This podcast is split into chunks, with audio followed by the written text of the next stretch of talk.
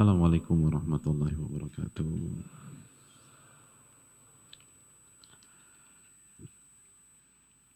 Innal hamdalillah nahmaduhu wa nasta'inuhu wa nastaghfiruh wa na'udzu billahi min syururi anfusina wa min sayyiati a'malina.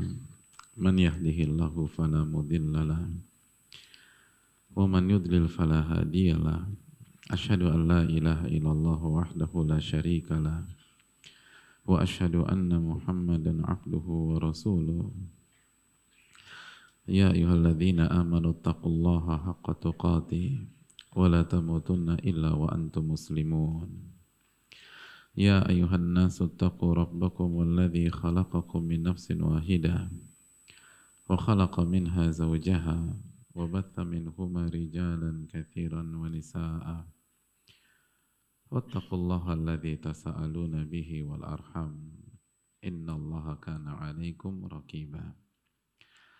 يا أيها الذين آمنوا اتقوا الله وقولوا قولا سديدا. يصلح لكم أعمالكم ويغفر لكم ذنوبكم. ومن يطع الله ورسوله فقد فاز فوزا عظيما.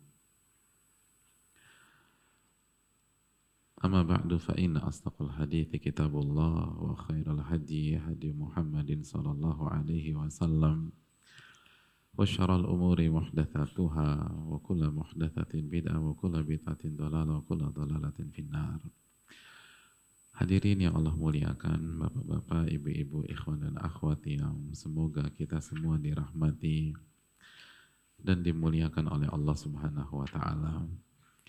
Tidak ada kata yang pantas untuk kita ucapkan pada kesempatan kali ini kecuali bersyukur kepada Allah Subhanahu wa taala atas segala nikmat dan karunia yang Allah limpahkan dan Allah berikan kepada kita.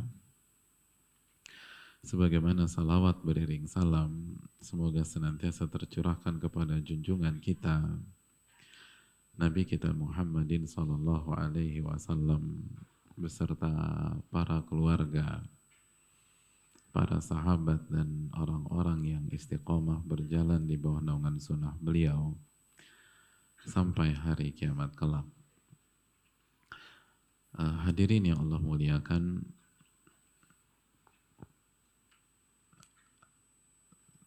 setelah uh, libur cukup uh, lumayan panjang, Alhamdulillah Allah berikan taufik kepada kita untuk kembali bersua dan berkumpul pada malam hari ini. Oleh karena itu kita meminta kepada Allah ilmu yang bermanfaat dan semoga Allah jauhkan dari kita ilmu yang tidak bermanfaat.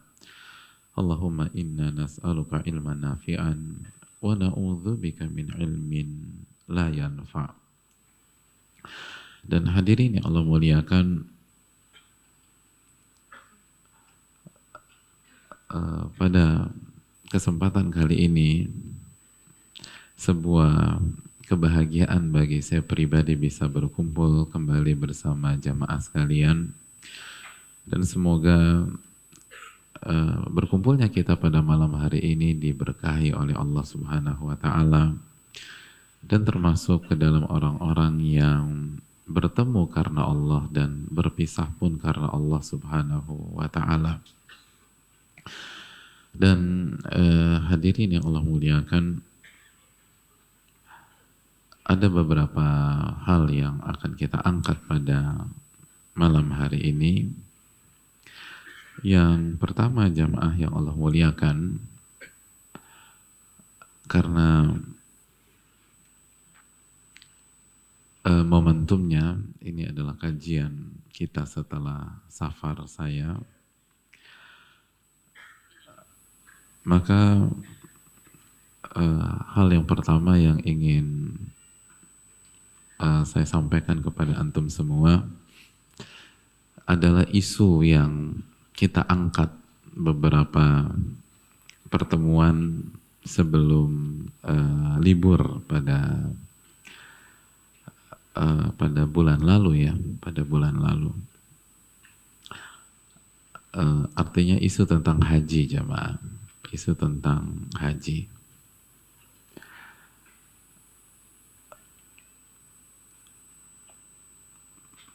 Mungkin ini terakhir kalinya saya sampaikan sebelum nanti insya Allah kita akan masuk lagi di bulan-bulan haji tahun depan.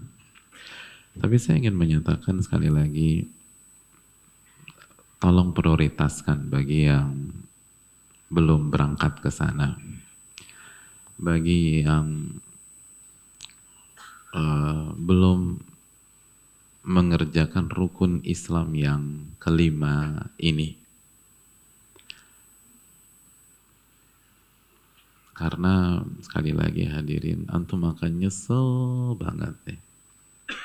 Kalau hidup yang sekali ini saja tidak antum gunakan untuk berangkat ke tanah suci dalam rangka menunaikan ibadah haji. Itu perjalanan-perjalanan luar biasa jamaah. Dan bagi pihak-pihak yang sering berangkat pasti akan mengakuinya. Setiap keberangkatan itu merupakan keunikan yang berbeda. Selalu menyajikan keindahan, selalu menyajikan emosi, selalu menyajikan kebahagiaan dan ketenangan bagi orang-orang yang berusaha ikhlas kepada Allah Subhanahu wa taala dan berusaha mengikuti nabinya Shallallahu Alaihi Wasallam. Itu pelajar perjalanan ajaib jamaah. Harus berusaha. Harus ada effort ke sana. Harus ada pengorbanan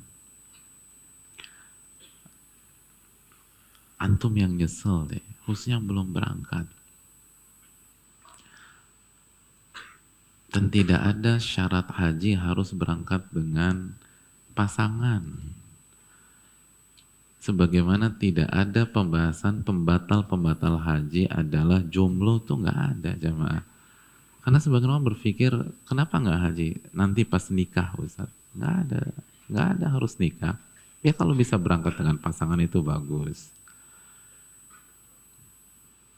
Tapi kan nggak harus dengan uh, hal demikian. Nanti kalau udah dapat pasangan, berangkat lagi sama pasangan antum. Apa susahnya? Kalau Allah mudahkan, maka semua akan mudah. Allah malah sahla illa ma tahu sahla. Ya Allah tidak ada kemudahan kecuali yang kau buat mudah.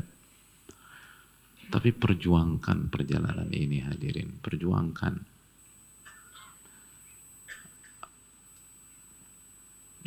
Perjalanan luar biasa hadirin. Dan Allah akan ganti, demi Allah akan ganti. Allah akan ganti apa yang antum keluarkan. Bahkan banyak testimoni menyatakan sebelum berangkat udah diganti.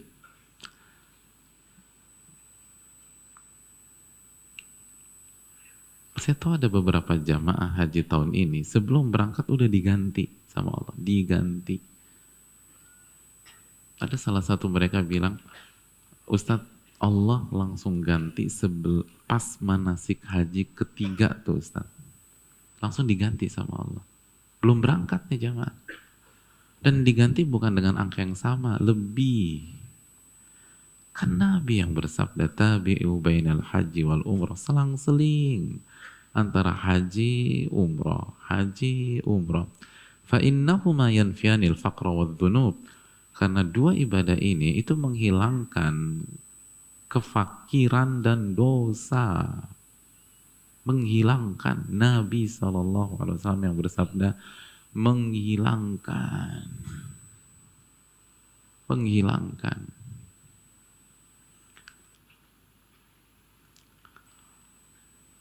masa kita nggak yakin hadirin Masa kita nggak percaya sama Nabi kita? Ini rukun Islam kelima loh. Dan sebagian kita kalau daftar hari ini 15 tahun lagi baru berangkat. Jadi gimana kalau kita dia tunda lagi, tunda lagi, tunda lagi. Dia daftar hari ini itu bisa 15 tahun lagi berangkat. Walaupun insya Allah akan maju terus. Tapi estimasi kasar seperti itu. Gimana kalau ditunda-tunda? Eh perjuangkan hari ini. Indah, demi Allah indah. Indah. Dan harus dijalanin. Ada banyak teman-teman begitu selesai baru kata, saya baru ngerti kenapa perjalanan haji ini indah. Emang indah. Di haji itu kita benar-benar ngerasain materi itu bukan segalanya hadirin. Fasilitas itu bukan segalanya. Iman yang segalanya. Ketakwaan yang segalanya. Kejujuran hadirin. Value. Value tentang akidah, tentang iman, tentang ketawakalan kepada Allah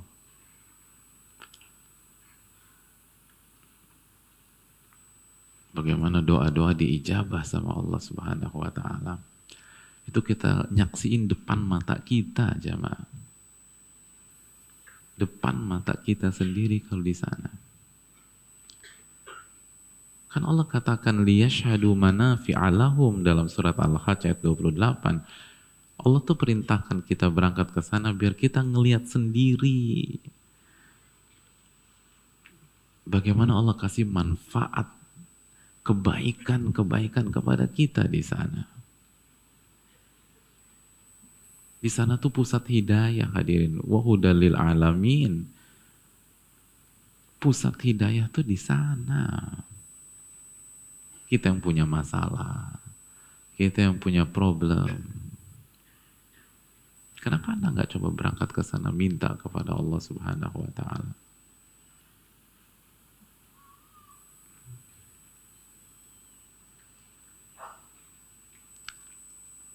Hadirin yang Allah muliakan. Harus punya tekad ke sana. Dan jangan ngandelin siapa pun. Andelin Allah jamaah. Minta sama Allah. Tunjukkan kejujuran kita. Jangan cari gratisan A, gratisan B. Atau ngarapin bantuan A, bantuan B, bantuan C. Kita usaha dong. Dan apa yang kita bisa korbankan, korbankan. Lalu minta sama Allah, minta sama Allah, minta sama Allah. Saya tahu jemaah ada ada seseorang. Itu beliau berangkat haji nggak pakai ngantri dan legal. Setiap hari hanya bisa nabung lima ribu rupiah. Lima ribu rupiah atau bayangin 5 ribu rupiah kapan berangkatnya? Coba. Kalau nabung 5 ribu rupiah, berarti sampai 25 juta butuh berapa lama? Coba teman hitung berapa? Hah? Untuk dapat 25 juta, kan nabung tuh 25 juta tuh. Butuh berapa lama? Aja mah. Ayo dong. Hmm? Yang matematikanya bagus, berapa? 5 ribu sehari 25 juta berapa lama? Hah? Berapa? Berapa tahun? Berapa tahun deh? Hah? 14 tahun. Oh iya, antum kan juara matematika. Berapa? 13,8. Oh, gitu jawabnya. Antum lah gitu. Ada deh. Nah meragukan nilai antum lah. 13,8 tahun. 13,8 tahun untuk dapat 25 juta. Bukan langsung berangkat loh ya. Baru 25 juta itu dibayar. Nggak bayar tuh, dapat nomor urut. Nah nomor urutnya kalau Jabotabek kurang lebih 15 tahun. Berarti 15 tambah 13 atau 14 lah 13,8. 29 tahun. Tapi kenyataannya nggak ngantri jamaah, nggak ngantri. Itu jamaah, beliau tuh setiap dia buat celengan. Buat celengan. Setiap hari komit 5 ribu saya harus tabung buat haji. Karena dia nggak punya duit lagi. Kebutuhan. Dia jadi tulang punggung keluarga beliau itu Tapi sebelum memasukkan kecelengan, angkat tangan, nangis sama Allah. Nangis. Oh nangis beneran jamaah. Dia nangis. Ya Allah saya ingin jadi jamaah haji ya Allah. Saya pengen jadi tamumu ya Allah. Tapi saya nggak punya uang. Saya punya cuma punya lima ribu. Saya yakin dengan segala kemahakuasaanmu, kalau lima ribu ini engkau berkahi, insya Allah saya akan berangkat. Setiap hari nangis, antum bisa setiap hari nangis kepada Allah untuk haji. Isunya haji dulu deh, nggak usah dosa-dosa yang lain. Setiap hari nangis karena isu haji. Beliau bisa begitu. Nggak sampai, nggak ada bicara 30 tahun, nggak 29 tahun, nggak 15, nggak 12. Tahun besok berangkat Tahun besok berangkat jamaah, nangis setiap hari. Setiap sebelum masukin 5000 kecelengan, angkat tangan minta, ya Allah. Saya nggak punya uang. Tapi saya pengen jadi tamumu. Saya pengen wukuf di Arafah. Saya pengen tawaf. Saya pengen mabit di Musdalifah. Nangis tiap hari nangis. Baru begitu selain nangis, cemplungin 5000. Besoknya nangis lagi, ya Allah. Tolong ya Allah. Berangkat hadirin. Kita ini kebanyakan mikir. Padahal Allah bilang, "Waman yattaqillah yaj'al lahu makhraja wa yarzuqhu min haitsu la yahtasib." Barang siapa yang bertakwa, takwanya udah apa belum? Dan takwa kan kata Allah, "Mastata'tum," semampu Anda. Ini bukan tentang lima ribu, ini bukan tentang tiga ribu, bahkan ini bukan tentang haji saja. Ini semua kotak-kotak perintah Allah Subhanahu wa taala. Anda sudah bertakwa belum? Dan semampu Anda. Beliau hanya mampu 5 ribu. Kalau beliau bisa nabung 5 ribu, 100 beliau akan nabung 5 ribu 100 setiap hari. Tapi nggak bisa.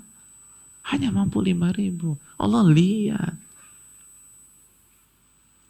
Antum aja, antum nih dengar ada mungkin, mungkin antum punya penggemar hadirin. Terus antum tahu penggemar antum itu nabung setiap hari nangis dan beritanya sampai ke telinga antum. Antum undang nggak dia? Undang hari itu juga.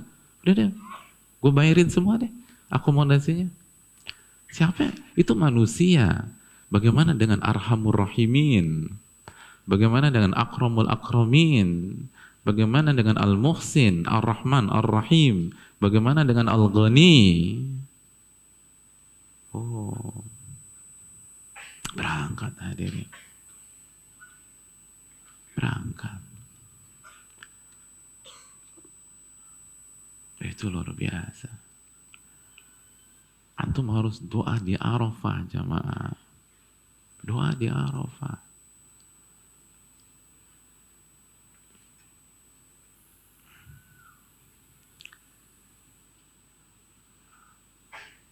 itu ada jamaah doa di Arafah sambil berdiri tiba-tiba beliau duduk.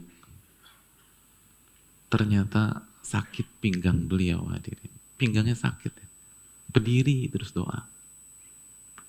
Pas pinggangnya sakit duduk. Beberapa saat beliau berdiri lagi terus sampai maghrib. Setelah selesai saya ngobrol sama beliau. Beliau bilang Ustadz tadi saya doa pinggang saya sakit saya duduk. Oh sakit banget.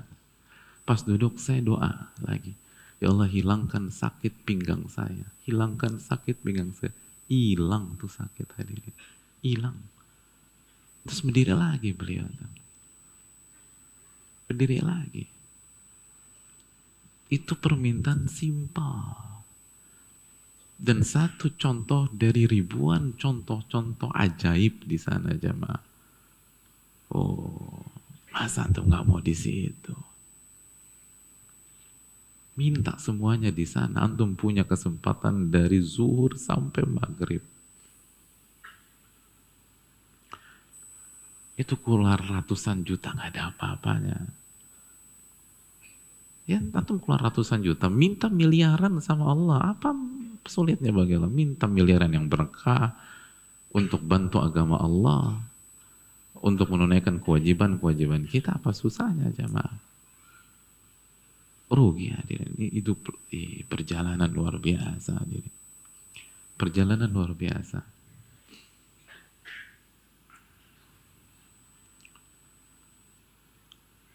Nggak ada bang. Karena perjalanan iman hadirin. Perjalanan ketakwaan. Perjalanan sebagai tamu Allah. Mana perjalanan lebih prestisius dibanding perjalanan sebagai tamu Allah Subhanahu wa taala. Mumpung masih ada fisik jamaah mumpung masih ada harta. Tapi banyak di antara kita bukan nggak mampu, nggak mau, dan nggak berani membuat skala prioritas. Nggak berani buat skala prioritas. Nggak berani ngejual aset untuk haji. Padahal juga nggak akan nggak akan hilang tuh aset, diganti saking seringnya saya dengar diganti-diganti, itu sampai saya nggak kaget lagi. Kan kalau kita dengar sesuatu yang luar biasa, yang benar pak, saya kalau dengar, iya pak, emang begitu pak, begitu aja responsnya. Kan udah, udah saking seringnya tuh diganti, diganti, diganti, diganti, diganti.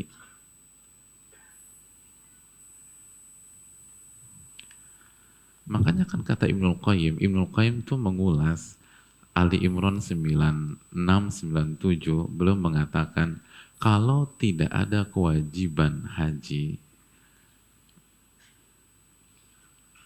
cukup Allah jelaskan keutamaan yang ada dalam surat 96 eh, ayat 96 97 sudah cukup bagi seorang mukmin untuk berangkat. Bagaimana tidak? Allah berfirman inna awwala baitin wudi'a lin-nasi lalladzi bi Bakkata sesungguhnya rumah yang pertama kali dibangun di atas permukaan bumi itu ada di kota Mekah yang berkah. Siapa yang nggak cari keberkahan? Semua kita nyari keberkahan. Kata Allah kalau cari keberkahan di sana. Wahudalil alamin dan itu sumber hidayah bagi alam semesta. Siapa yang kita, siapa yang kita nggak pengen hidayah? Mau cari hidayah, Anda ke sana. Terus fihi ayatum bayinat. Di sana ada tanda-tanda kebesaran Allah. Tanda-tanda kebesaran Allah. Tanda-tanda kebesaran Allah. Waman maqamu Ibrahim ada jejak kaki Nabi Ibrahim. Dan barang siapa yang masuk sana maka dia aman.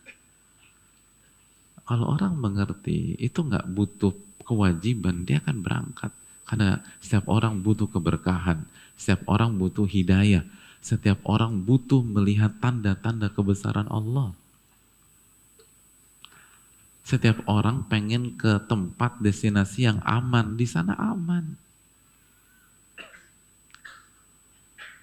Maka kata Ibnu Qayyim, kalau Allah nggak turunkan ayat walillahi ala nasi hijul baiti man istata'a ilaihi sabila, sudah cukup bagi orang yang berakal sehat untuk berangkat ke sana. Karena kita semua butuh keberkahan. Berkah jamaah. Asal jujur. Asal jujur. Oh, keren hadirin. Doa, ya, luar biasa. Itu syiar iman hadirin. Antum masuk terowongan Mina. Itu terowongan 2 kilo tuh jamaah kurang lebih. Terowongan 2 kilo yang di dalamnya gema takbir. Talbiyah. Gimana kita nggak merinding jamaah? Itu sampai sebagian teman bilang saya udah bingung gimana nangisnya lagi Ustaz. Itu perasaan saya berkecambuk di sana. Satu terowongan kita lihat ada orang Amerika, ada orang Cina lah, ada orang Asia Timur, ada orang Eropa, semua jalan ke satu titik dan mereka bertalbiyah. Kita aja takbir ke apa?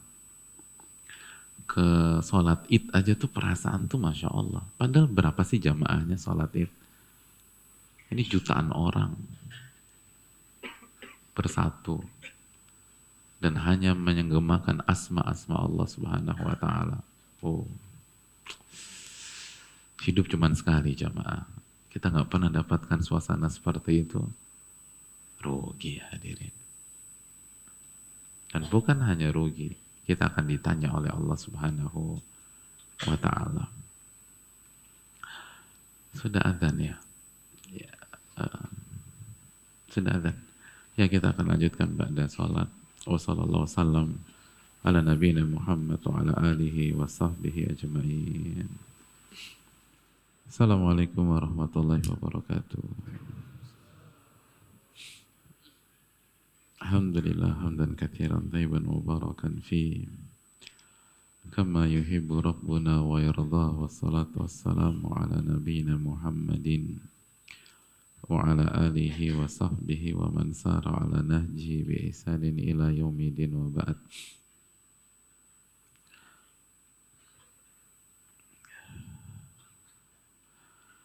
uh, jamaah yang Allah muliakan sebelum kita masuk ke materi kita uh, tadi itu ada yang bertanya bagaimana bisa dapat uh, mendapatkan haji yang mabrur. Intinya tuh jamaah yang pertama jelas keikhlasan dan yang kedua uh, komit mengikuti tuntunan Nabi SAW dalam haji. Khudhu anni manasikakum. Ambil dariku manasik haji kalian.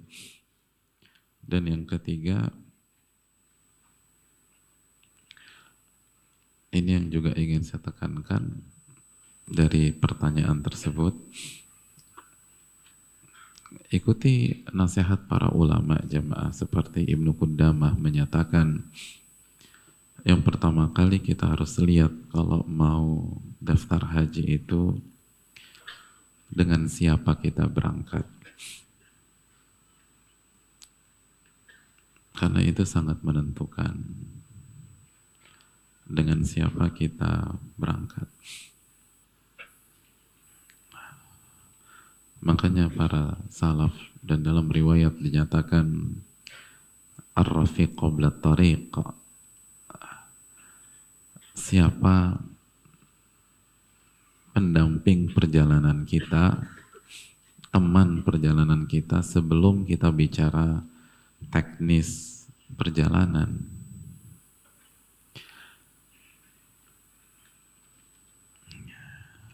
Dan itu yang dilupakan banyak pihak Orang berpikir tentang fasilitas, bukan jamaah. Para ahli hikmah mengatakan orang-orang besar itu bermain dengan manusia, bukan dengan barang. Salah satu nasihat uh, sebagian guru saya yang sepuh-sepuh tuh mereka bilang manusia pada akhirnya akan mencari manusia. Karena sekali lagi orang-orang besar itu bermain dengan manusia.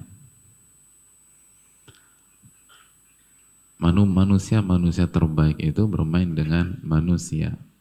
Siapa manusia-manusia terbaik ya maaf? Para nabi dan rasul para nabi dan rasul itu aktivitasnya berhadapan dengan siapa? Berhadapan dengan Android?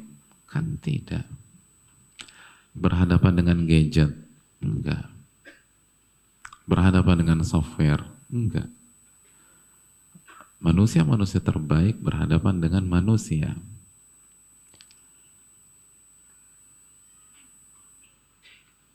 Maka itu yang harus kita pikirkan. Makanya kan dalam masalah rumah kan apa kata para ulama? Al-jar qobladar. Tetangganya dulu siapa, baru kita tentukan kita tinggal di mana. Gitu. Manusianya dulu jamaah. Kita kan kalau nyari rumah langsung 500 meter dari pintu tol. Gitu. 15 menit dari pintu tol Udah gitu langsung percaya aja lagi. Nggak ditanya, harusnya kan dikejar. 15 menit dari pintu tol tuh jam berapa mas? Gitu. Kalau jam 3 pagi benar.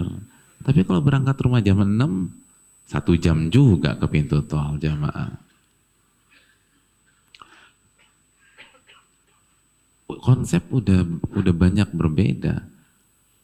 Sekarang orang berpikir beli apa-apa fasilitas, fasilitas enggak. Du, orang dulu, manusianya dulu.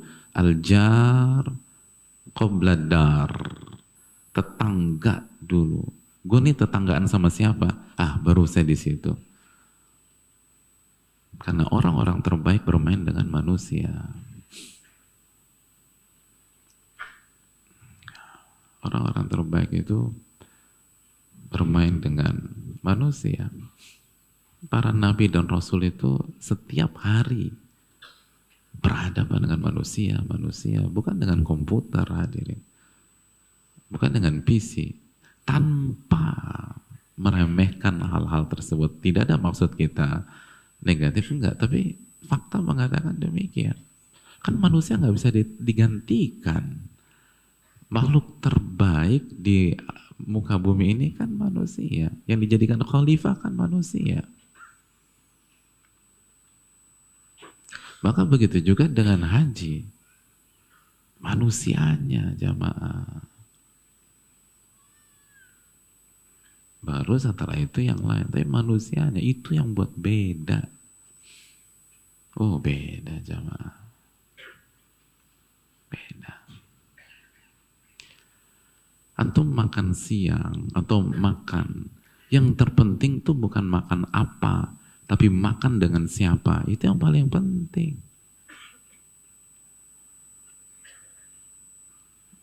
Makan dengan siapa?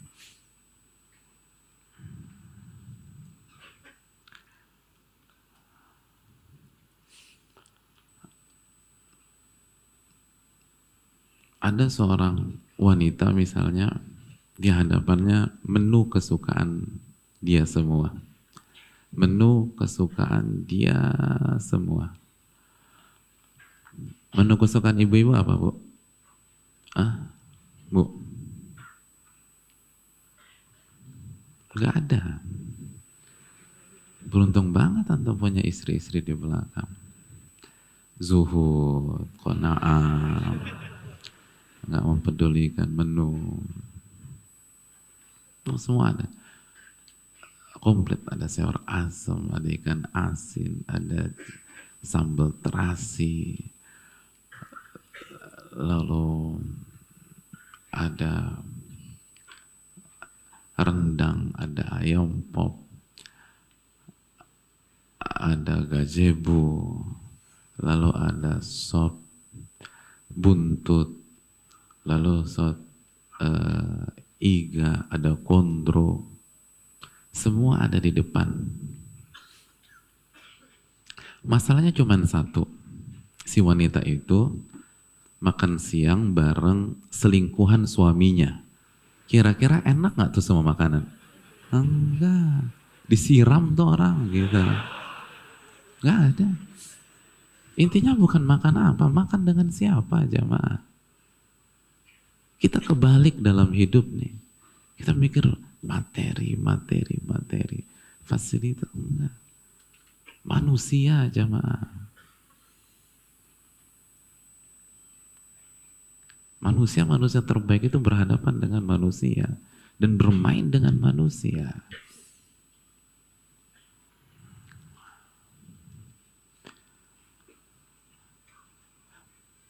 Saya akan lebarkan sedikit lagi karena ini agak penting. Makanya kan pro, karya dari sebuah dakwah itu manusia. Intinya ke manusia. Jadi simpel aja, kita nggak usah ngelihat yang lain. Majelis kita, majelis kita, sukses atau tidaknya majelis ini, itu bisa dilihat dari wajah-wajah yang ada di hadapan saya hari ini. Termasuk yang bicara. Ini karya dari sebuah dakwah. Nggak usah bicara ini gimana dia di luar sana, bagaimana ibadah dia setelah kajian, bagaimana amal soleh dia ketika kajian. setelah kajian, sebelum, pada saat, dan setelah. Bagaimana cara bicara dia? Ada perubahan apa tidak? Manusia jamaah. Hasil dakwah Nabi itu apa? Abu Bakar, Umar, Uthman, Ali, Abu Ubaidah, Tolha, Sa'ad bin Abi Waqqas. Itu kan. Itu hasil manusia jamaah. Manusia pada akhirnya akan ke manusia. Dan ini penting. Karena kita berada di hadap di tengah-tengah era yang semua high tech. Lalu manusia diganti dengan robot dan seterusnya. Mungkin ada dalam sebuah bidang, tapi intinya adalah manusia. Manusia jamaah. Jangan salah. Ini yang banyak miss. Ini core kehidupan hadirin.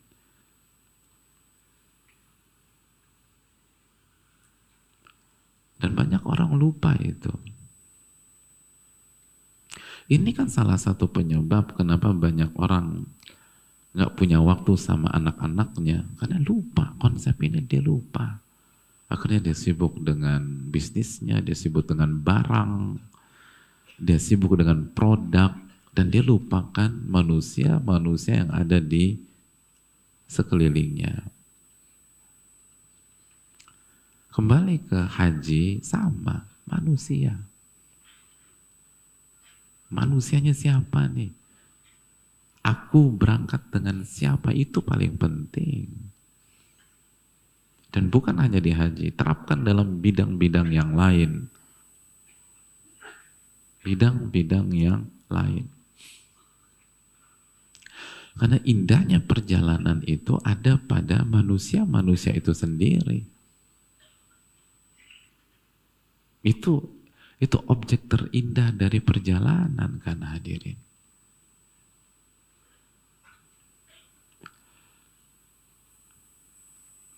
Sebagai contoh, kalau saya ditanya di antara momen terindah dari beberapa pengalaman terbatas tentu saja, itu pernah sebuah dalam sebuah tahun kita pulang dari uh, Mina ke apartemen transit Begitu sampai di depan apartemen, ternyata gak bisa dibuka hadirin. Ada permainan, kita gak bisa masuk. Akhirnya jamaah harus nunggu di luar apartemen di kota Mekah. Di musim panas. Gak bisa masuk, gak dibukain. Hadirin yang yang dirahmati oleh Allah Subhanahu wa taala. Apa yang terjadi di menit-menit berikutnya?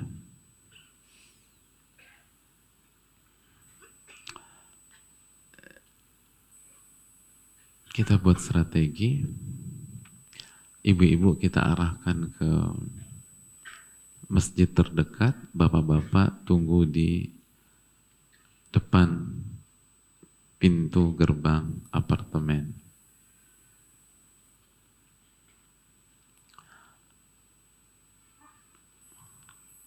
Pada saat itu hari Jumat jemaah. Apa yang dilakukan? Itu di depan apartemen ada yang baca surat Al-Kahfi. Ada yang baca surat yang lain ada yang sholat jamaah. Pinggir jalan, ngampar. Ada yang doa kepada Allah. Semoga dibukakan. Lalu ibu-ibunya sujud sama Allah subhanahu wa ta'ala. Mengamalkan firman Allah. Wasta'inu bis sabri was. Minta pertolongan kepada Allah dengan sabar dan dengan sholat. Iya hadirin Pemandangan seperti itu indah. Demi Allah indah. Pengen ngampar di jalan, angkat tangan minta sama Allah. Bukan caci A, bukan marah ke B. Bukan cari kambing hitam.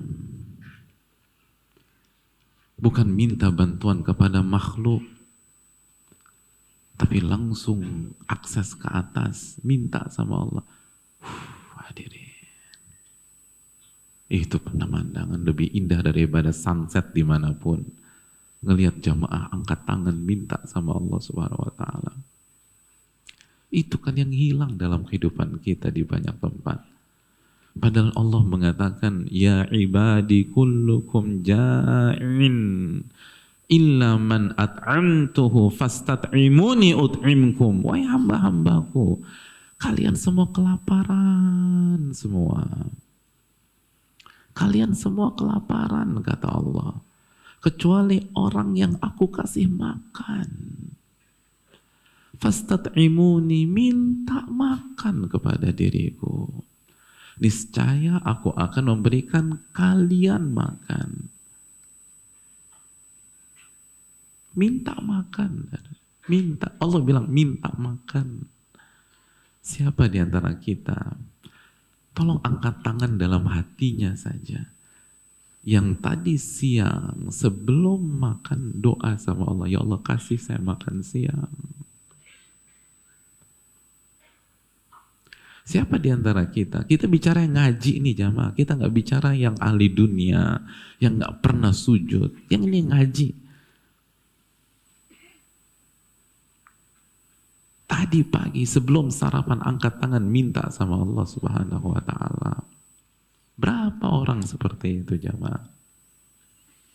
Kita yang ngaji bertahun-tahun. Kita yang mengaku bertauhid kepada Allah, siapa yang seperti itu? Maka begitu ada masalah, itu ngelihat pemandangan manusia angkat tangan kepada Allah. Oh, Luar biasa. Di pinggir jalan sholat jamaah. Minta pertolongan kepada Allah. Sholat pinggir jalan, trotoar. Lalu setelah Allah lihat kejujuran itu, Allah kasih pertolongan. Oh indah jamaah. Itu nggak bisa dibeli itu.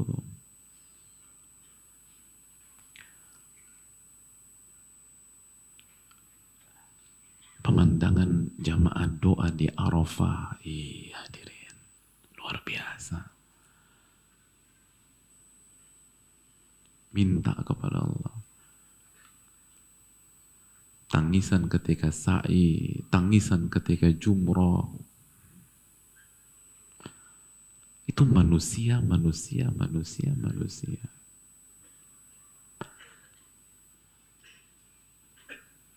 Ada setelah ibadah nggak ada yang lebih indah dari itu. Bagaimana melihat jamaah haji itu fight, bertakbir, lalu tangisannya pecah, minta ampun sama Allah. Ada pemandangan yang lebih indah dari itu jamaah. Ketika kita melihat suasana hamba-hamba yang merasa berdosa ini, minta ampun sama Rabbul Alamin, sama Al-Ghaffar, Ar-Rahim, Al-Ghafur.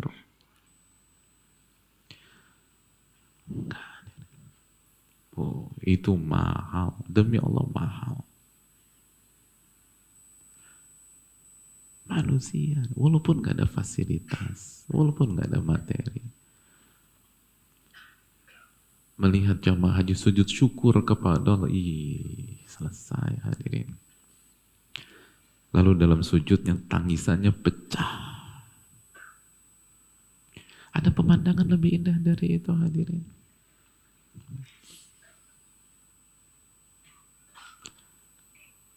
Itu pemandangan luar biasa. Berhaji dengan manusia-manusia seperti itulah yang membuat perjalanan haji kita nggak pernah kita lupakan seumur hidup kita. Itu yang dicari ahli dunia jamaah, tapi mereka nggak pernah dapat. Karena mereka cari sensasi dengan materi. Padahal Allah katakan man amila salihan min dzakarin aw untha wa huwa mu'min falanuhyiyannahu hayatan thayyibah. Barang siapa yang beramal soleh, baik laki-laki maupun wanita, dalam kondisi beriman kepada Allah, maka kami akan hadiahkan kehidupan yang bahagia. Kehidupan yang bahagia.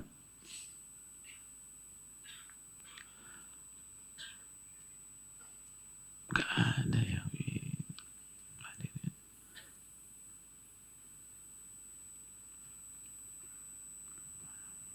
oh.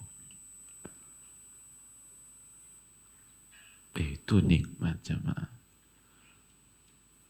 Kita didampingi dengan manusia-manusia seperti itu. Yang ketika di Arafah, tangisannya pecah, dan hanya kata ampun yang bisa dia ucapkan ampun ya Allah ampun ampun. Nangis dia jemaah itu pemandangan luar biasa. Atmosfer nggak ada yang kalian atmosfer seperti itu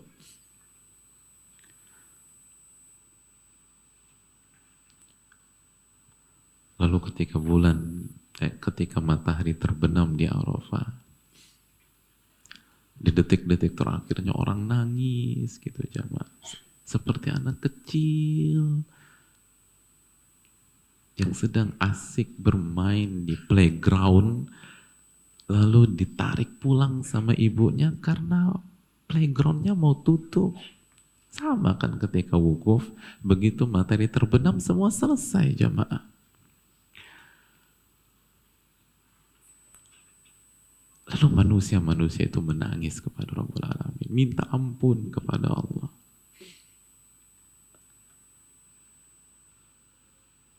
Oh, itu luar biasa. Itu luar biasa. Itu hidup jamaah. Itulah ucapan para salaf kita dulu ahlu dunia yakhrujuna minad dunia walam yadhuku ma huwa ahla minad dunia ahli dunia itu ketika meninggal dunia mereka tidak pernah mendapatkan hal yang paling indah dari dunia. Apa hal yang paling indah? Ma'rifatullah wa dhikru. Mengenal Allah. Dan berzikir. Mengingat Allah subhanahu wa ta'ala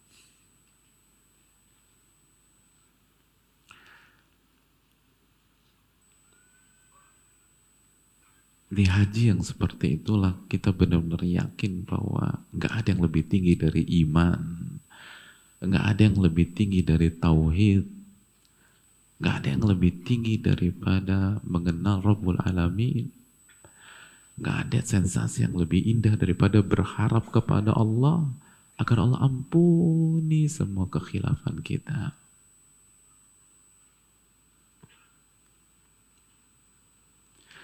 Di situlah kita mengerti sabda Nabi, ibki fa ilam tabki fatabaki. Menangislah. Dan kalau Anda nggak bisa menangis, paksa diri Anda menangis. Oh itu luar biasa. Jadi. Manusia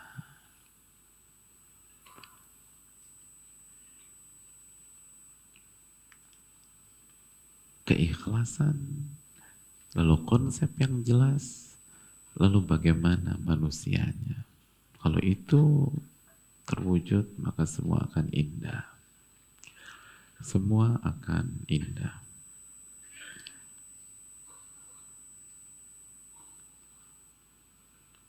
Itu hal yang perlu kita camkan jamaah. Wallahu ta'ala alam. Dengan siapa kita berangkat baru kita bicara bagaimana perjalanannya. Itu konsep hidup jamaah. Itu konsep hidup. Aljar qoblal qobladar siapa tetangga kita baru kita putuskan di mana kita tinggal. Itu konsep hidup. Itu konsep hidup orang-orang terbaik itu bermain dengan manusia. Dan fokusnya kepada manusia. Bukan pada barang. Bukan pada barang. Allah Ta'ala alam. Ya kita masuk ke buku kita jamaah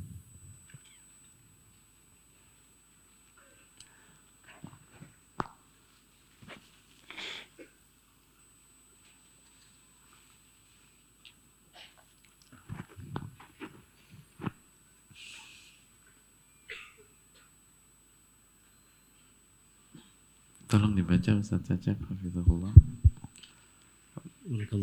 Masih naul awal. Bismillahirrahmanirrahim. Alhamdulillahi rabbil alamin wassalatu wassalamu ala asrafil mursalin nabiyina Muhammadin wa alihi wa sahbihi ajma'in. Qala al-musannif al-imam Badruddin Abu Abdullah Muhammad bin Ibrahim bin Sa'dillah bin Jama'at al-Kinani rahimahullahu ta'ala قال الله تعالى يا أيها الذين آمنوا لا تخونوا الله sebelum itu Ustaz. Eh udah. دوام eh دوام قال المصنف رحمه الله دوام مراقبة الله تعالى في السر والعلانية والمحافظة على خوفه في جميع حركاته وسكناته وأقواله وأفعاله فإنه أمين على ما أودع من العلوم وما منح من الحواس والفهوم Alhamdulillah wassalatu wassalamu ala rasulullah berkata penulis rahimahullahu taala dawam dawam muraqabatillahi taala kita masih berbicara tentang adab seorang yang berilmu dalam mengkondisikan dirinya jamaah. Yang pertama yang sudah kita bahas sebelum libur, bagaimana kita memiliki sifat muraqabatullah, merasa diawasi oleh Allah. Ketika kita sedang sendiri di ranah privat atau ketika kita berada di tempat umum, itu sudah kita bahas wal muhafadzatu ala khawfi fi jami'i harakatihi wa sakanatihi wa aqwalihi wa af'alihi. Dan ketika seseorang memiliki sifat muraqabah, maka dia akan menjaga rasa takutnya kepada Allah. Dalam setiap gerak-geriknya, lalu pada saat dia berdiam di sebuah tempat, ucapan atau perbuatan semuanya memiliki atau semuanya dikawal dengan rasa takut kepada Allah Subhanahu wa taala. Kenapa demikian?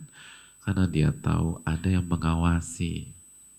Ketika antum merasa ada yang mengawasi antum, kita ini lagi jalan dan kita merasa banget ada yang ngawasin kita, maka secara otomatis akan timbul rasa takut. Akan timbul rasa khawatir. Saya tidak mengatakan rasa khawatir dan takut itu mendominasi diri kita. Tidak. Tidak harus demikian. Tergantung mental dan nyali setiap orang. Tapi pasti ada unsur rasa takut pada saat itu. Begitu juga dengan seorang hamba, orang yang belajar, orang yang punya ilmu, orang yang sudah datang ke kajian, ketika dia mengetahui bahwa innallaha kana alaikum raqiba. Allah sesungguhnya Allah senantiasa mengawasi kalian.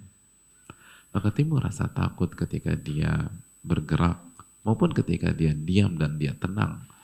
Ketika dia berbicara, ketika dia bertindak ada rasa takut dalam diri dia tersebut. Dan itu semua sudah kita bahas di pertemuan-pertemuan lalu dengan berbagai macam sisi dan angle yang coba kita angkat. Sampai kita bahas tentang tiga orang yang terperangkap di dalam gua.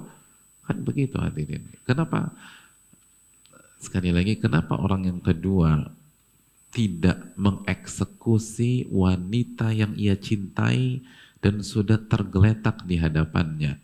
Rasa takut jamaah. Kenapa lahir rasa takut? Merasa diawasi oleh Allah Subhanahu wa taala. Itu sudah kita bahas. Kita akan lanjut jamaah sekalian. Fa innahu aminun ala ma'u di'aminal ulum wa mamuniha minal hawas wal fuhum. Dan dia menjaga amanat. Menjadi orang yang dapat dipercaya orang yang amanat atas ilmu yang dia miliki dan anugerah dari kecerdasan, pemahaman, dan indera yang dia peroleh dari Allah Subhanahu wa taala.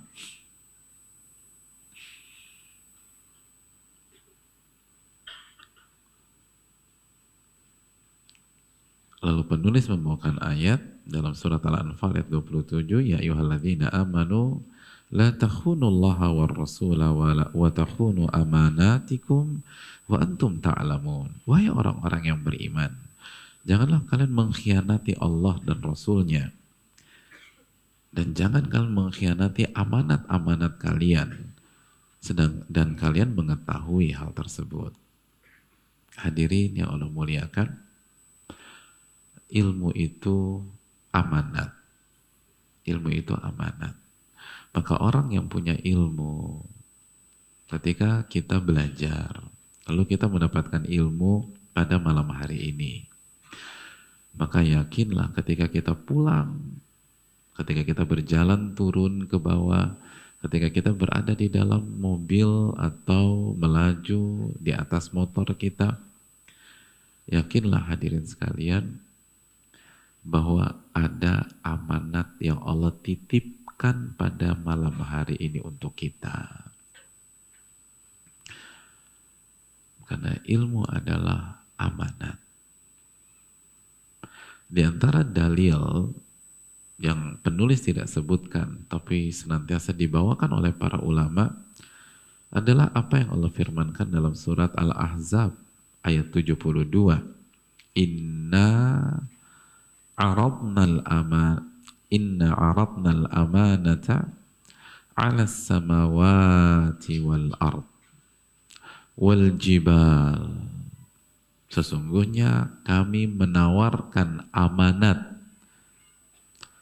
Sesungguhnya kami menawarkan sebuah amanat kepada langit-langit tersebut, kepada bumi, kepada gunung-gunung itu. Fa'abaina an yahmilnaha. Tapi semua enggan untuk menerima amanat tersebut. Semua enggan untuk mengemban amanat itu.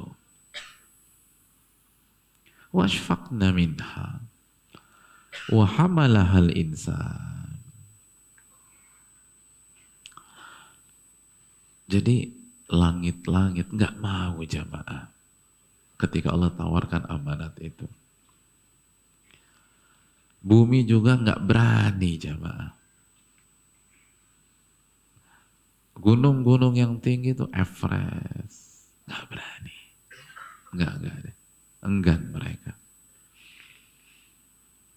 Apa sih amanat yang Allah maksudkan di dalam ayat ini? Hadirin yang Allah muliakan, jika kita membuka buku tafsir klasik, sebut saja tafsir At-Tabari.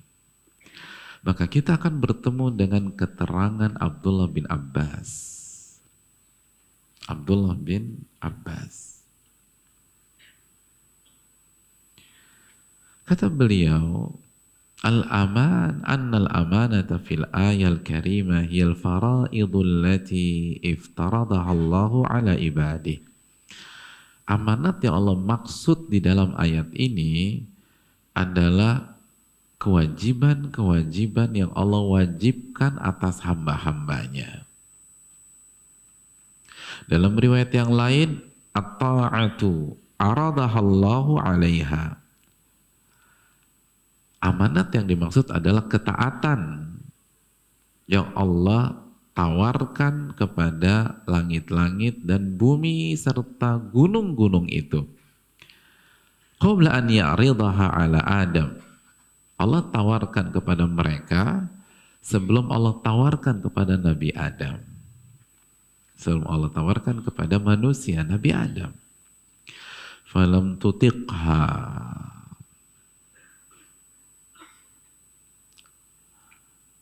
Dan mereka semua nggak sanggup hadirin. Nggak sanggup, nggak deh.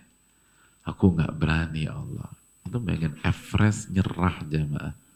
Itu gunung Everest tuh salah satu contoh. Biar nanti ada bayangan nih. Everest yang begitu menakutkan, yang begitu mengerikan. Kalau wajah-wajah di hadapan saya berangkat ke sana, kemungkinan besar sih takbir empat kali jamaah. Iya. Mati kita ke sana, nggak ada persiapan gitu besok berangkat selesai tamat karir kita sebagai manusia. Itu nggak berani, nggak nggak deh, nggak. Berani mengemban. Ketika semua menyerah, faqala li Adam. Maka Allah berbicara dengan Nabi Adam. Ya Adam, ini qad aradtul amanata ala samawati wal ard wal jibal falam tutiqha. Wahai Adam, aku sudah tawarkan amanat yang beru yang berupa ketaatan ini kepada tujuh lapis langit, bumi dan gunung-gunung. Tapi mereka nggak sanggup untuk mengembannya. Fal anta akhidhuha bima fiha. Apakah engkau mau memikulnya wahai Adam dengan segala konsekuensinya? Faqala ya Rabbu ma fiha atau wa ma fiha. Nabi Adam cerdas hadirin ditanya sama Nabi Adam, wahai Rabb, apa apa yang dimaksud dengan konsekuensi-konsekuensinya. Qala Allah berfirman, in ahsanta juzita. Kalau engkau berbuat baik, menjalankan kewajiban itu, menjalankan syariat itu, engkau akan mendapatkan pahala. Juzita. Engkau akan dibalas dengan pahala. Wa in asa'ta uqibta. Tapi sebaliknya wahai Adam, kalau engkau melakukan sesuatu yang buruk, bermaksiat, perintah nggak dijalankan, maka engkau akan dihukum. Engkau akan dihukum. Fa'akhadha Adamu fatahammalaha. Maka Nabi Adam mengambil amanah tersebut, maka diembanlah ke pundak beliau dan pundak-pundak anak cucunya.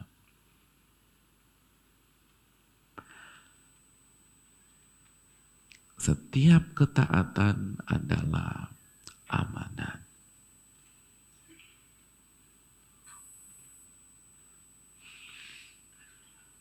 Setiap ketaatan adalah amanat. Tapi penutupannya membuat kita berpikir ya hadirin ya. Innahu kana zuluman jahula. Sesungguhnya manusia itu apa tuh? Zolimnya minta ampun dan bodohnya minta ampun. Hadirin yang Allah muliakan, sebelum kita masuk ke poin kita, timbul pertanyaan tentang akhir dari ayat tersebut. Jadi setelah manusia mengambil alih take over itu amanat wahamalahal insan lalu penutupannya innahu kana zaluman jahula manusia itu tuh benar-benar zolim, benar-benar bodoh. Nah apa maksud dari penutupan ayat tersebut? Apakah keputusan Nabi Adam untuk mengemban amanat itu adalah sebuah kesalahan? Atau yang lebih tepat, sebuah kezoliman dan sebuah kebodohan. Kenapa sih tuh Nabi Adam mengambil begitu? Gue jadi ribet deh kan gitu ya kalau antum berpikir. Oh jadi ini gara-gara leluhur gue nih. Gue jadi repot begini. Dikit-dikit haram, dikit-dikit haram, dikit-dikit haram. Coba beliau nolak. Kan enak hadirin gitu loh. Antum mikir gitu gak sih? Enggak ya? Iya, mikir gitu. Kenapa tuh Nabi Adam ya Allah, gue nggak bisa pikir kenapa diterima gitu. Oh ya kan? Kalau kalau nggak diterima kan kita main-main aja hadirin, seneng-seneng kita. Yang jomblo-jomblo pacaran, ngedet sana, pegang-pegang, udah nggak ada ketaatan, nggak ada faraid itu, nggak ngaji gitu lah. Ngapain gue datang ke masjid? Harusnya gue beli tiket midnight kan ya malam ini kan mikirnya tuh udah macam-macam. Ini zolim nih ini keputusan yang bodoh gitu kata sebagian orang. Hadirin yang Allah muliakan bukan begitu maksudnya. Hal ini hal ini hadirin berusaha bukan berusaha hal ini dijelaskan para ulama tafsir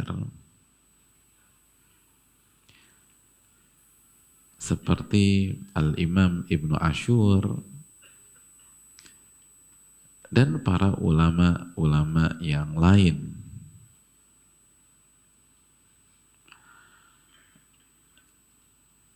Hadirin yang Allah muliakan, ada sebuah kalimat menarik dari Al-Imam Ibn Ashur dalam Tahrir wa Tanwir. Beliau mengatakan bahwa ketika Nabi Adam mengambil keputusan untuk menerima amanat itu, bal futira ala tahammuliha. Itu bukan sok jago jamaah. Bukan sok jadi pahlawan. Mau tampil gitu. Lo lihat Everest gue bisa. Enggak bukan begitu tapi kata para ulama bal futira itu fitrah yang Allah berikan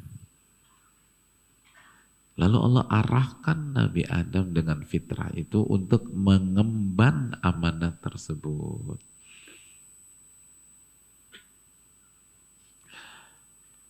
Itu fitrah positif. Makanya para ulama mengatakan jamaah yang Allah muliakan bahwa diembannya amanat oleh Nabi Adam dan manusia itu tashrif wa taufik wa karamah dari Allah. Itu ke, apa pemuliaan dari Allah, lalu itu taufik dari Allah Subhanahu wa taala dan karamah dari Allah Subhanahu wa taala bukan celaan. Bukan celaan.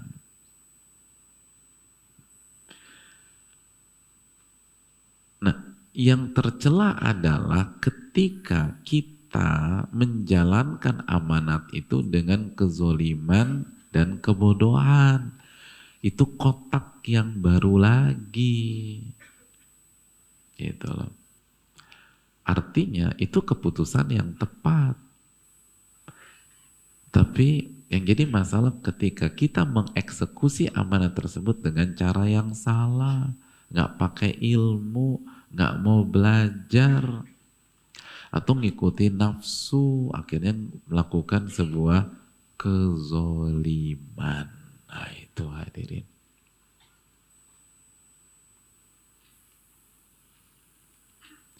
Itu. Jadi itulah fitrah yang sekarang ada pada diri kita. Kan gitu kan? Ya simple lah. Semua orang pengen sukses. Dan kita sepakat. Semakin tinggi posisi antum, misalnya, baik di dunia maupun di akhirat. atau baik di dunia, baik di kotak dunia maupun kotak agama. Ujian badai itu semakin rendah atau semakin tinggi jamaah? Semakin tinggi dan kita tetap ambil resiko itu. Kan gitu hadirin. Dan kita yakini itu sebuah konsekuensi. Ya nggak sih? Antum ngerintis bisnis tuh. Resikonya lebih besar mana? Buka warung pinggir jalan atau bermain di proyek-proyek 75 miliaran. Kira-kira resikonya lebih besar mana? Yang MM-an lah. Tapi manusia kan maju terus. Orang-orang hebat, investor-investor main di situ. Gak ada yang bilang, gue mah di uh, warung pinggir jalan aja lah. Gak sanggup lah dapat resiko-resiko begitu. Enggak. Manusia yang terbaik di bidang setiap bidang itu akan ambil konsekuensi itu, akan ambil resiko itu. Atlet misalnya.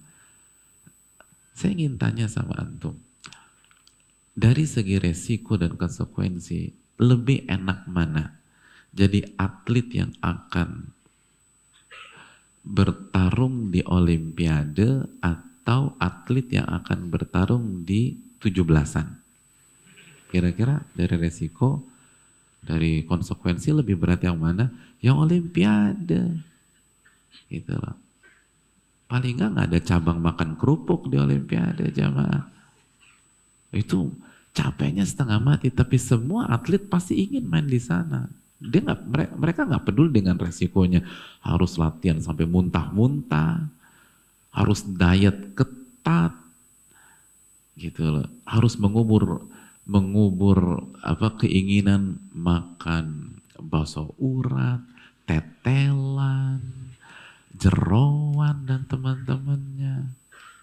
Iya gimana? Kan harus diet ketat tuh. Tapi itu konsekuensi. Kalau Anda ingin main di papan atas, Anda harus jaga fisik, jaga fisik diet. Itu kotak dunia. Kita beralih lagi ke kotak agama, kotak akhirat. Kita dengar sabda Nabi SAW. Asyaddun nasi balaan al-anbiya. Ujian atau orang-orang yang ujiannya paling berat adalah para nabi dan rasul. Thumma salihin. Lalu di level berikutnya orang-orang soleh.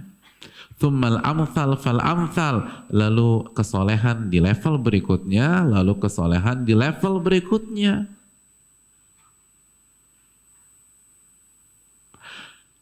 Lalu Nabi juga bersabda wa yubtalal mar'u ala hasabi dini. Seseorang akan diuji sesuai dengan kualitas agamanya.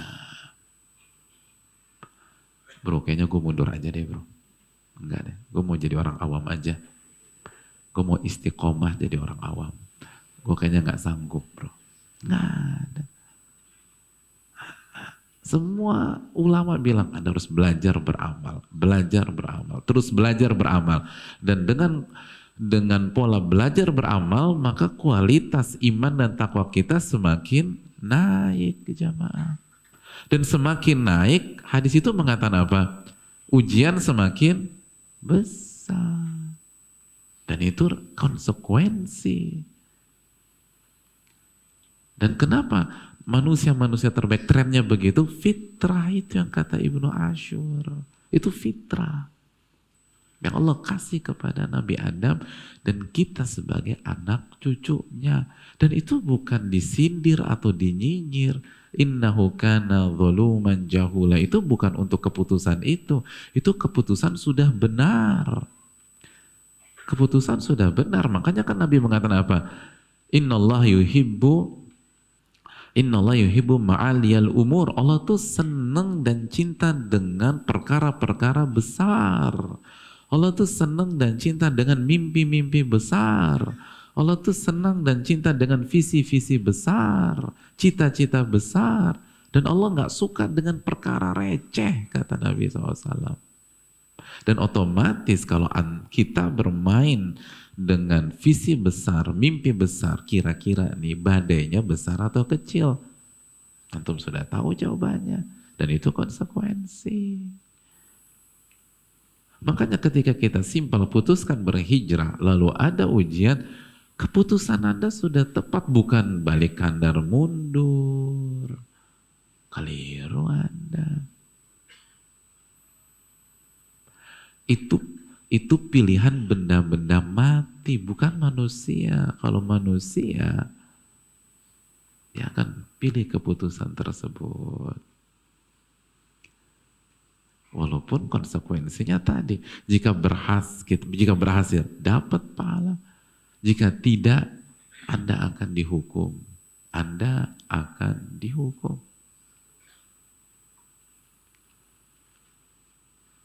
Manusia punya kebaikan gak mundur dengan itu jemaah. Tidak mundur. Gak mundur. Tapi mengamalkan hadis Nabi SAW, ihris alama yanfa'uk. Bersungguh-sungguh mengejar hal yang bermanfaat bagi Anda Wasta'in billah ini. Ini baru tauhid jemaah. Minta pertolongan kepada Allah. Jangan mundur. Minta pertolongan kepada Allah. Wala ta'jiz. Allah wala ta'jaz. Jangan lemah. Fight terus. Maju terus. Gitu. Oh hadirin. Hadirin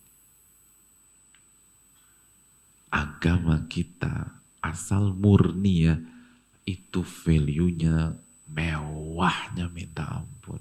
Luar biasa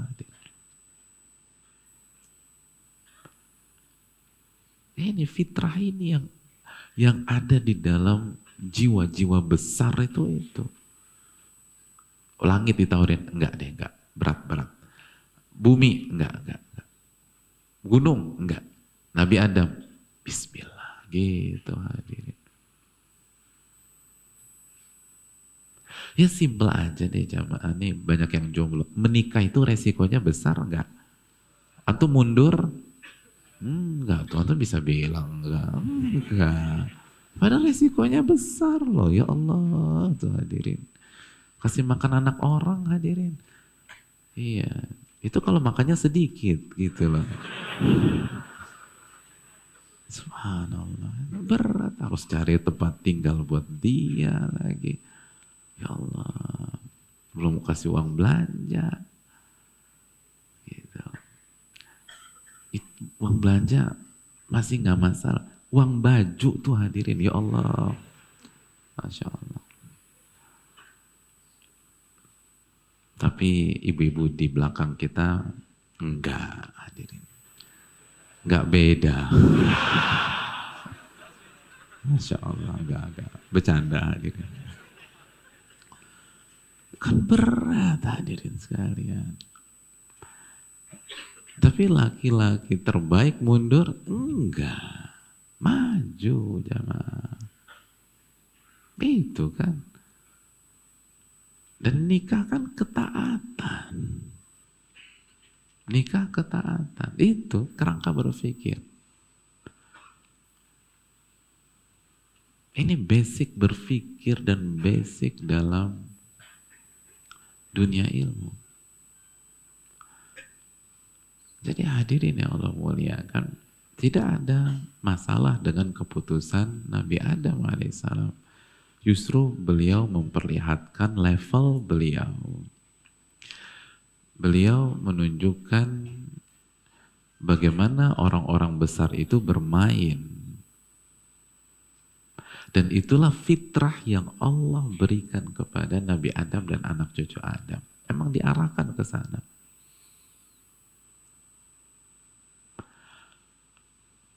Diarahkan ke sana. Dan dari situlah kita mengerti kenapa begitulah cara manusia berpikir dan bertindak. Makanya in, bukan mundur, tapi kejar yang bermanfaat buat kita, lalu perkuat isti'anah kepada Allah. dalam menjalankan amanat. Iya karena budu wa iya karena stain. Ingat terus keterangan Al-Imam Ibnul Qayyim bahwa hidup itu perpaduan antara ibadah dan isti'adah. Itu aja udah. Dan blind spot banyak pihak karena merasa sudah beribadah, lupa minta pertolongan kepada Allah. Karena merasa, kan gue melakukan ketaatan. Buat apa lagi minta pertolongan? Enggak. Minta pertolongan itu setiap saat, apalagi udah ngaji. Apalagi kita punya amanat ilmu hadirin. Selalu minta pertolongan. Minta pertolongan. Itu tadi yang saya sampaikan. Hadis Qudsi itu. Allah suruh kita minta makanan kepada dia subhanahu wa ta'ala. Dari hal-hal kecil. Itu yang perlu kita camkan terus jamaah. Saya rasa cukup sampai di sini. Kita akan lanjutkan masalah amanah ini dan korelasinya dengan ilmu pada pertemuan yang akan datang insya Allah ta'ala dan kita minta pertolongan kepada Allah agar Allah memberikan kita ilmu yang bermanfaat dan jamaah sekalian sebelum pulang saya ingin ingatkan bahwa kita masih berada di hari-hari istimewa masih berada di hari-hari istimewa. Di empat bulan haram yang mulia. Dan dosa masih dilipat gandakan oleh Allah dan pahala pun dilipat gandakan oleh Allah. Dan ingat sabda Nabi SAW bahwa puasa terbaik setelah puasa wajib di Ramadan puasa di fi syahrillahil muharram di bulan Allah yang bernama Al-Muharram. Ulama mengatakan bahwa yang dimaksud hadis ini adalah memperbanyak puasa di bulan Muharram. Adalah yang terbaik setelah puasa satu bulan penuh di Ramadan. Allahu ta'ala alam bisawab. Adapun tentang Ashura kita akan bahas insya Allah ta'ala di pekan depan. Uh, karena masih ada waktu. Wassalamualaikum ala nabiyina Muhammad wa ala alihi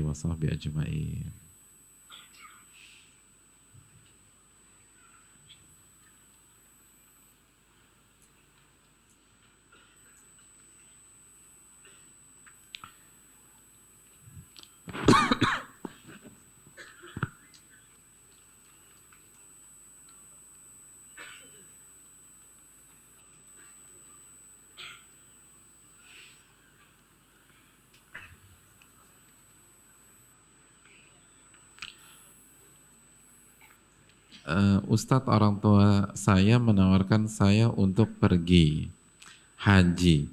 Akan tetapi saya takut membani orang tua saya karena melihat keadaan orang tua saya. Apa saya boleh terima tawaran tersebut? Iya, terima kasih atas pertanyaannya jamaah.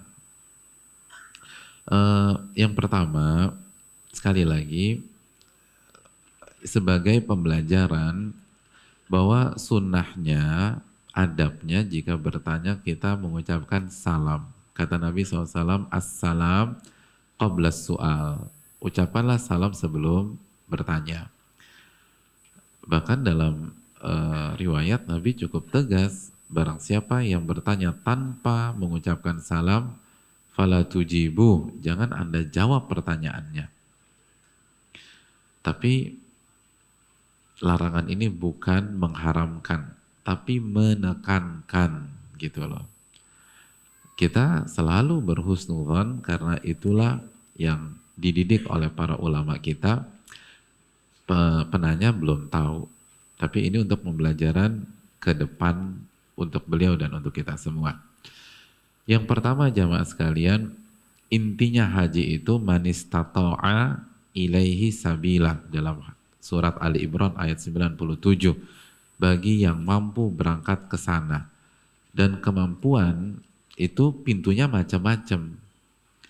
walaupun sekali lagi hadirin kalau bisa haji khususnya yang pertama itu pakai uang kita sendiri biar nanti pas dihisap hari kiamat kita tuh punya bekal gitu loh nih uang saya buat haji ya Allah gitu jadi kalau bisa bayar sendiri kenapa cari yang gratisan gitu loh jadi fulus tuh uang dipakai buat amal ibadah gitu loh jangan pas dihisap hari kiamat dipakai buat dunia, dunia, dunia, dunia gitu.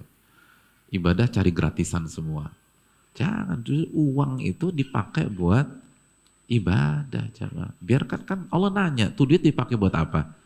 Min ainak tasaba wa fima anfaqah. Dari mana Anda dapatkan dan ke mana Anda keluarkan. Dan saya tahu ada seseorang jamaah, ada seseorang waktu dia pengen banget haji. Dia pengen banget haji, lalu ada tawaran gratis, gratis, dapat gratis, dan fasilitas bagus. Tapi dia tidak ambil itu. Dia bilang terima kasih, tapi bisa nggak saya pakai yang uh, bisa nggak pintu di mana saya bayar dengan uang saya sendiri. Padahal ditawarin, ini gratis nih. Dia nggak ambil tuh. Dia pengen rukun Islam yang kelima ini itu pakai uangnya sendiri dan pada hari kiamat nanti dia bisa jawab pertanyaan Allah Subhanahu wa taala. Dan makanya pola pikir ibadah amal soleh gratisan itu harus dibuang hadirin. Justru ini ibadah itu kotak amal kita. Kita harus keluarin uang kita di situ. Biar hisap kita enak nanti. Biar hisap kita enak. Ya nuntut ilmu segala macam. Kan kayak nuntut ilmu. Kan sekarang banyak negara dimanjakan dengan gratisan kan. Padahal dulu ulama untuk beli buku bayar. Untuk pergi bayar kita tahu Ibnu Jauzi, kita sudah bahas dua rumah hadirin buat ilmu, dua rumah buat ilmu. Haji pun juga demikian. Harus berani keluar uang untuk amal soleh dan ibadah. Tapi kalau memang kita nggak mampu nih, kalau nunggu nabung kayaknya 15 tahun nih Pak Ustadz. Hari ini ada yang nawarin, Bismillah berangkat jamaah selama halal Udah berangkat itu insya Allah, insya Allah pintu yang Allah buka buat kita. Jadi kalau kita bisa bayar, saya bayar sendiri. Tapi kalau nggak nggak mampu, ada yang nawarin, ambil. Atau seberapa uang kita kita kasih ke dia. Ini mak, saya mampunya segini, tolong ambil. Uh, saya nggak mau 100% dapat gratisan, gitu hadirin. Kalau bisa, biar kita ada gitu uang kita buat di jalan Allah Subhanahu wa taala. Untuk haji kapan lagi? Apalagi haji pertama. Wal hajul mabrur laisa lahu jazaa'un ilal jannah. Haji yang mabrur nggak ada balasan kecuali surga dan Allah ganti kan? Dan pak apa kata Nabi SAW tentang pahala haji dan umrah? Fa innama ajruki kata Nabi ke Aisyah sesungguhnya pahala kamu ya Aisyah pahala haji atau umrah itu tergantung lelah kamu dan berapa biaya yang kamu keluarkan. Itu, berapa biaya yang Anda keluarkan itu menentukan pahala haji kita. Jadi kalau bisa bayar. Dan Allah ganti pahalanya besar insya Allah ta'ala.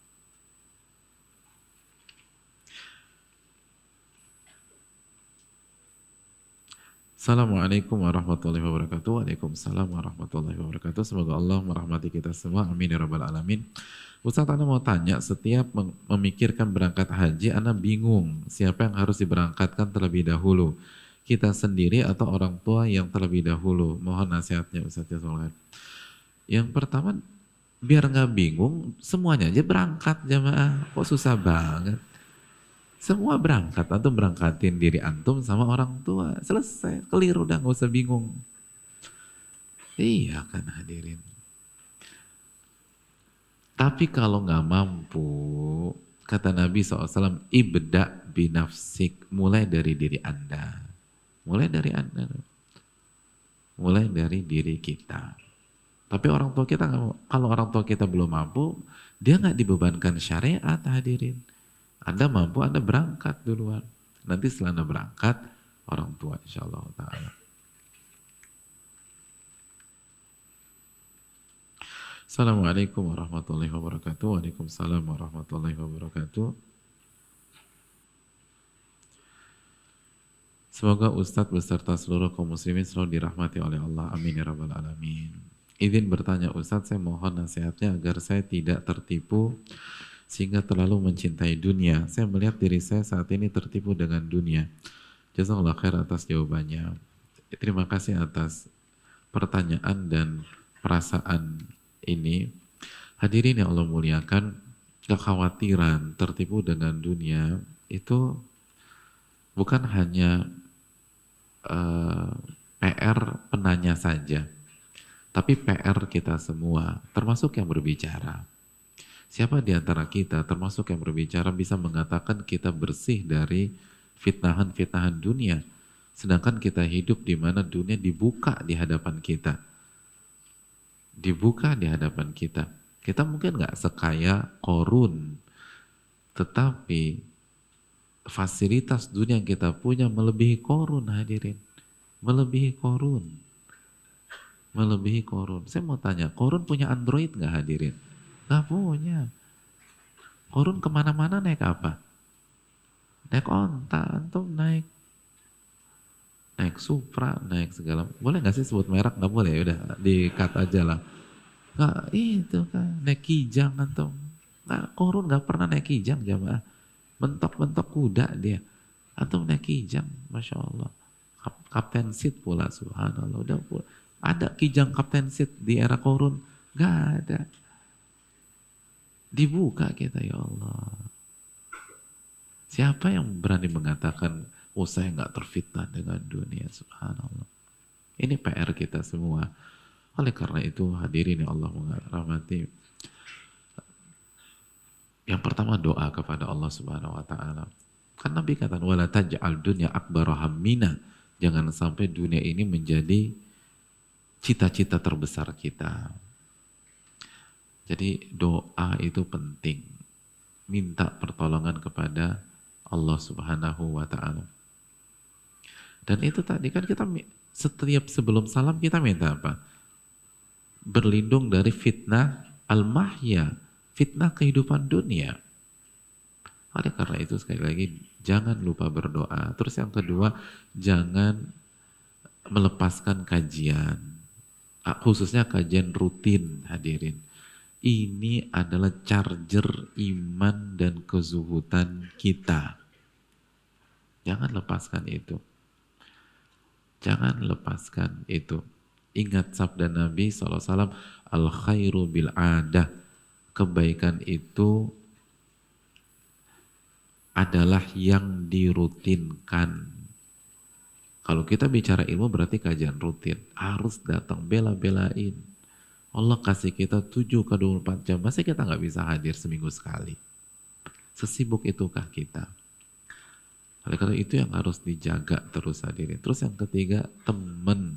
Itu manusia. Atau mencari manusia-manusia yang berkualitas.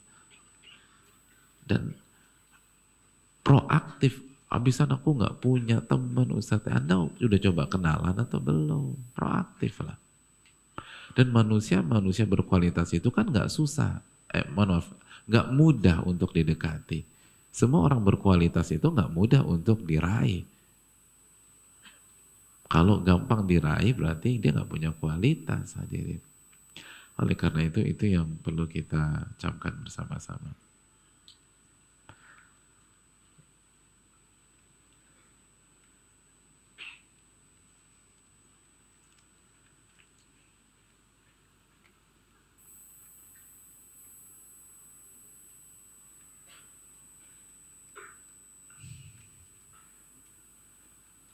Assalamualaikum warahmatullahi wabarakatuh. Waalaikumsalam warahmatullahi wabarakatuh. Semoga Allah merahmati Pak Ustaz sekeluarga dan seluruh jamaah dan menjaga keikhlasan kita hari ini. Amin ya rabbal alamin.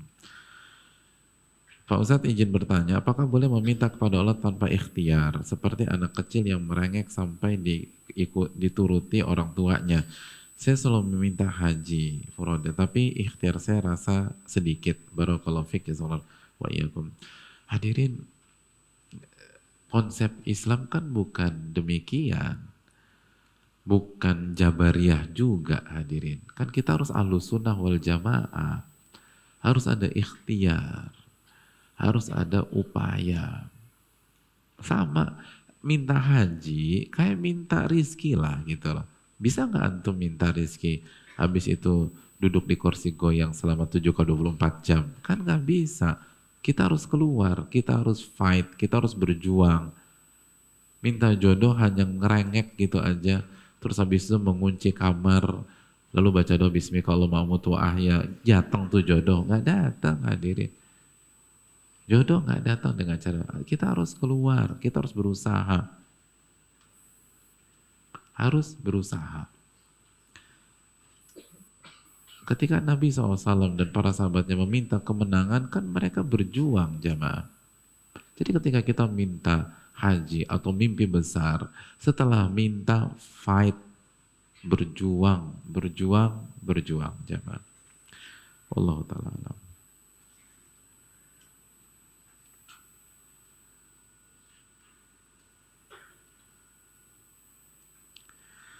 Assalamualaikum warahmatullahi wabarakatuh. Waalaikumsalam warahmatullahi wabarakatuh. Uh, semoga Allah merahmati Ustadz dan keluarga Ustadz jamaah yang hadir di sini serta seluruh kaum muslimin. Amin ya rabbal alamin.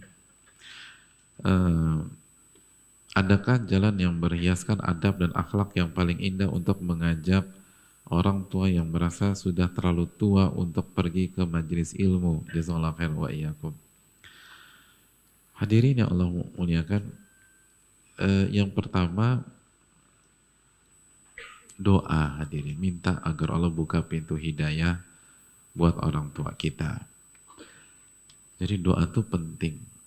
Antum harus bangun di sepertiga malam terakhir sujud kepada Allah minta kepada Allah subhanahu wa ta'ala. Terus yang berikutnya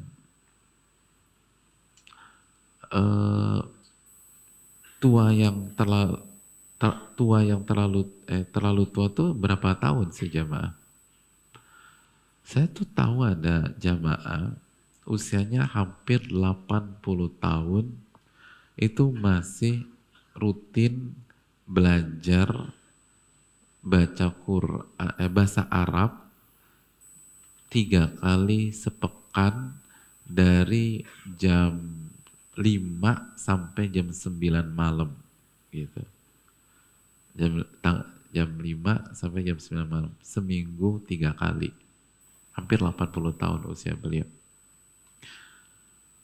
Pas saya tanya pak masih berjuang? Masih gitu lah. Optimis bisa? Enggak gitu katanya. Ya iyalah mau 80 tahun antum antum aja yang jomblo aja suruh ngafalin fa'ala fa'ala fa'alu aja tobat tobatan nasuha. Udah deh Pak Ustaz. Nggak, nggak ada bakat. Ini 80 tahun. Jadi optimis enggak. Terus kenapa Pak? Kata beliau, paling enggak saya berharap ketika hari kematian saya, saya wafat sebagai seorang penuntut ilmu. Gitu jamaah. Wafat sebagai penuntut ilmu. Karena kan penuntut ilmu visabilillah hadirin. Di jalan Allah. Makanya nggak ada alasan untuk nggak belajar. Nggak ada alasan. Makanya Imam Bukhari dalam kitab sahihnya kan memberikan catatan kecil terhadap ucapan Umar bin Khattab. Kan kata Umar bin Khattab radhiyallahu taala belajarlah qabla an tusawwadu. Sebelum kalian besar, sibuk, memimpin dan lain sebagainya. Atau sebelum kalian tua. Jadi belajarlah sebelum kalian tua atau kalian jadi pembesar, kalian sukses secara dunia. Karena kalau udah begitu udah susah tuh belajar. Imam Bukhari mengatakan wa ba'da an dan terus belajar walaupun telah tua atau telah jadi orang besar. Lalu Imam Bukhari kasih dalil karena sahabat-sahabat Nabi itu belajar setelah mereka jadi tokoh. Nggak ada alasan. Mereka nggak ngerti usia untuk belajar. Belajar itu terus, terus dan terus. Wallahu taala alam bisawab. Mungkin itu. Terus yang ketiga, kita sebagai anak PR-nya adalah bagaimana menjadi duta dakwah di rumah depan orang tua. Atau kalau bahasa sekarang jadi BA-nya gitu loh, brand ambasadornya gitu. Harus ada perubahan. Yang jadi masalah banyak di antara kita setelah ngaji yang berubah cuman penampilan. Yang berubah cuman wardrobe, yang berubah cuman baju, yang yang berubah cuman celana jadi cingkrang atau yang dulu pakai jeans sekarang sarungan atau sekarang jadi jenggotan atau uh, yang akhwat pakai hijab lebar atau pakai cadar. Adapun sikap nyebelinnya masih sama kayak dulu gitu loh. Ngelawannya masih sama kayak dulu. Minta duitnya masih sama kayak dulu. Gitu. Terus ngejawabnya masih sama kayak dulu. Ngenyanggahnya masih sama kayak dulu. Ya kan orang tua malas hadirin. Gitu loh. Bahkan bukan hanya sama kayak dulu, sekarang lebih nyebelin lagi gitu loh. Karena sekarang kalau ngejanggah pakai ayat, pakai hadis, kan bagi orang tua kadang-kadang nyebelin hadirin. Ya Allah, nih bocah gitu kata orang tua. Dulu deh, subhanallah. Waktu dia ode, gua yang bawa ke rehab gitu loh sekarang bawa-bawa ayat ke gua gitu katanya. Dulu yang nembus di polsek kan gua. Kenapa sekarang jadi sok-sok jadi ustadz begini, nih bocah gini. Bahasa masih bocah lagi kan. Ya karena itu tadi, kartu kita kan ada di mereka jamaah sekalian. Jadi udah Coba rubah dengan sikap dulu deh. Rubah dengan ibadah dan sikap ibadahnya harus kuat gitu loh. Ibadahnya harus kuat. Gak perlu kita perlihatkan ke mereka, mereka akan lihat kok. Eh berubah nih orang gitu loh. Ini dulu so, suka bantah, aku aku sekarang nggak bantah Terus lagi-lagi hadir, gunakan konsep mu'alaf hadirin. Ditaklif tuh orang tua. Gunakan uang kita, beliin kesukaan mereka hadirin. Beliin. Apa makanan kesukaan, belanjain, ajak jalan. Itu kasih. Transfer kalau mereka nggak punya rekening kirim gitu. Pokoknya kalau ibu beliin emas hadirin. Gitu hadirin. Gitu loh yang 100 gram. Iya. Lo insya Allah tuh ibu mau ngaji. Insya Allah deh gitu loh insya Allah emas gitu, 100 gram. Kan banyak ibu-ibu dibilang coba ibu-ibu Coba saya mau tanya, DNA-nya ibu-ibu nih, kalau dulu belum ngaji, terus anak kita setelah datang kajian, setiap bulan kasih emas 100 gram. Tertarik ngaji nggak bu? Tertarik kata ibu-ibu. Nah, benar, Randa. Udah emas deh. Gitu. gitu. Jadi orang tua yang belum dapat hidayah, jangan dikasih kitab kuning dan kasih kitab Tadkiratus Sami, kasih emas, kasih baju, sama duit. Nah insya Allah. Insya Allah ngaji lah insya Allah. Sama doa hadirin. Gitu Jadi nggak perlu debat satu setengah jam gitu loh. Pas mau debat, uh, nanti aja bu, nanti ibu mau makan apa? Gitu langsung tembak mau makan apa gitu loh. Mau makan apa gitu loh. Jadi jadi gini Bu, ini tuh nggak ada ininya. Udah nanti aja itu, nanti. Tanyain mau makan apa dulu gitu loh.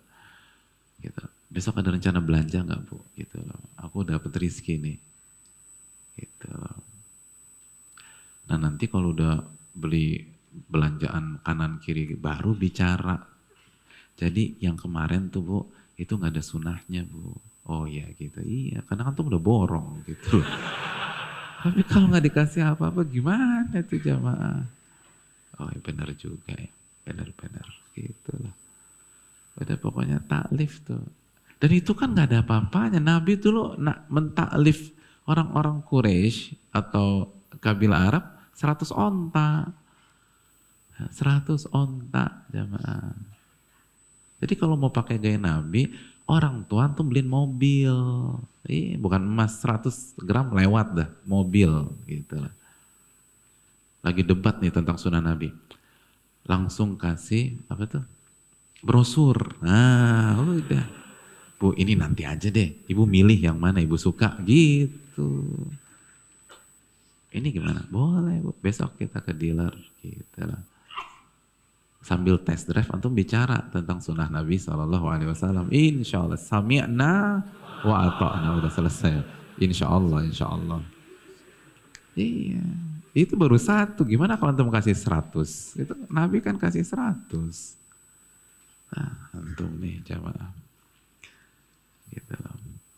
Jelas ya hadirin. Dan yang bertanya coba uh, ketemu ya pada kajian.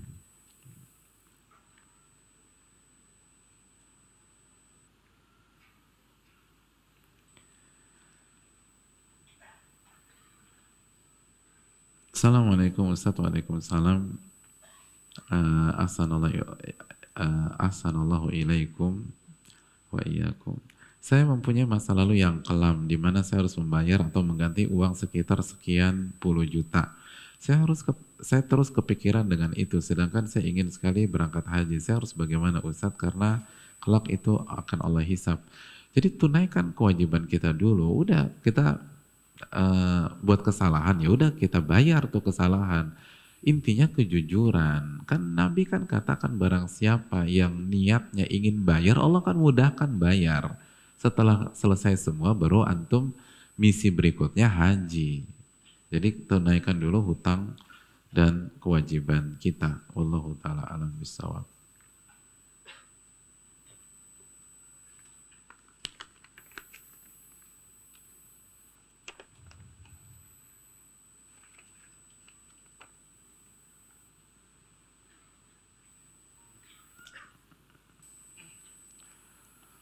Assalamualaikum warahmatullahi wabarakatuh. Waalaikumsalam warahmatullahi wabarakatuh. Semoga Allah selalu melimpah, melimpahkan rahmatnya kepada Ustaz Ustaz keluarga. Amin ya alamin. Begini Ustaz saya seorang akhwat yang suka menulis dan insya Allah buku antologi saya sedang dalam proses akan diterbitkan. Alhamdulillah ilmu dan nasihat yang Ustaz sampaikan selalu sampai eh, ke hati sehingga sering menjadi inspirasi saat saya sedang menulis. Maka ada perkataan-perkataan atau istilah-istilah yang Ustaz sampaikan di kajian yang saya tuliskan kembali di tulisan saya. Seperti contoh, uh, inti dari ilmu adalah keberkahan. Ilmu agama bukan sekedar menguasai konten atau no shortcut proses. Untuk itu saya ingin memohon izin dan kerelaan kepada Ustadz karena saya telah mengutip sebagian perkataan Ustadz di dalam buku yang akan diterbitkan tersebut. Kiranya dapat Ustadz halalkan Afwan, barakallahu fikum. Waalaikumsalam warahmatullahi wabarakatuh. Uh, ya, pada dasarnya kan gini ya hadirin, kalau misalnya uh, yang pertama jelas uh, kita apresiasi karya-karya uh, saudara-saudara kita di bidangnya masing-masing. Uh, semoga diberkahi oleh Allah Subhanahu wa taala. Dan yang kedua kan konsepnya al-ilmu rahimun baina ahli. Ulama kita atau masyekh-masyekh kami itu selalu mengajarkan ilmu itu membuat sesama penuntut ilmu saling menyayangi, saling men-share dan seterusnya. Bahkan Al-Imam Syafi'i itu harapannya apa? Saya berharap semua orang uh, mendapatkan manfaat dari ilmu saya dan menggunakan ilmu saya tanpa harus uh, menasabkan kepada saya. Jadi udah pakai aja, nggak usah bilang itu perkataan Imam Syafi'i. Klaim itu perkataan Anda juga nggak apa-apa itu maksud beliau. Itu saking ikhlasnya beliau. Jadi itulah eh, di dunia ilmu.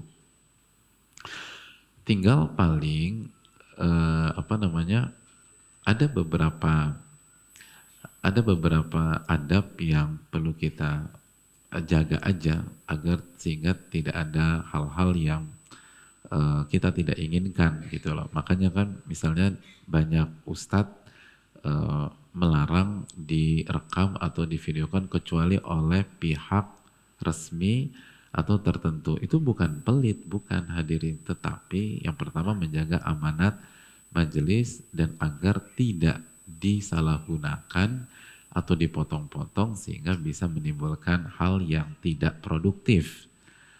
Jadi uh, itu aja yang paling dijaga. Jadi adapun tentang konten ilmu sekali lagi tidak kita tidak punya kapasitas untuk melarang dan justru salah satu keberkahan ilmu kan disebarkan. Disebarkan. Tinggal mungkin kalau misalnya buku itu ada khawatir misalnya ada yang keliru atau ada yang salah apalagi kalau misalnya uh, di di apa dinisbatkan ke seseorang, kan misalnya kita menisbatkan atau um, menukilkan berkata uh, Ustadz A. Bisa sering terjadi di lapangan, bukan penanya loh ya, tapi sering terjadi di lapangan, ternyata yang menukilkan tuh salah. Ustadznya maksudnya ke kanan, dia maksudnya ke kiri. Makanya dulu masyih-masyih kita kalau di kelas aja nih, kita nyatet, kalau kita nyatet buat diri kita, itu urusan Anda deh. Tapi kalau catatan kita jadi rujukan satu kelas, Antum suka gitu nggak dulu waktu kuliah? Gitu loh. Kita malas nyatet nih, akhirnya tinggal kita fotokopi murid yang paling rajin sekelas pada saat itu di angkatan kita. Nah itu para masyayikh kita minta agar catatan dan rangkuman itu diserahkan dulu ke beliau, lalu beliau baca. Karena kalau sudah disebarluaskan dan ada yang keliru, maka itu bisa kontraproduktif. Mungkin itu aja sih. Adapun kalau eh, apa namanya berkaitan dengan sisi dihalalkan apa di digunakan apa dinukil itu itu dan itu juga bukan ilmu saya kan saya juga cuma nukil juga itu juga bukan ilmu saya. Uh, itu kita nukil dari para ulama-ulama klasik kita. Jadi apa hak saya untuk tidak menghalalkan? Allah taala alam dari sisi itu.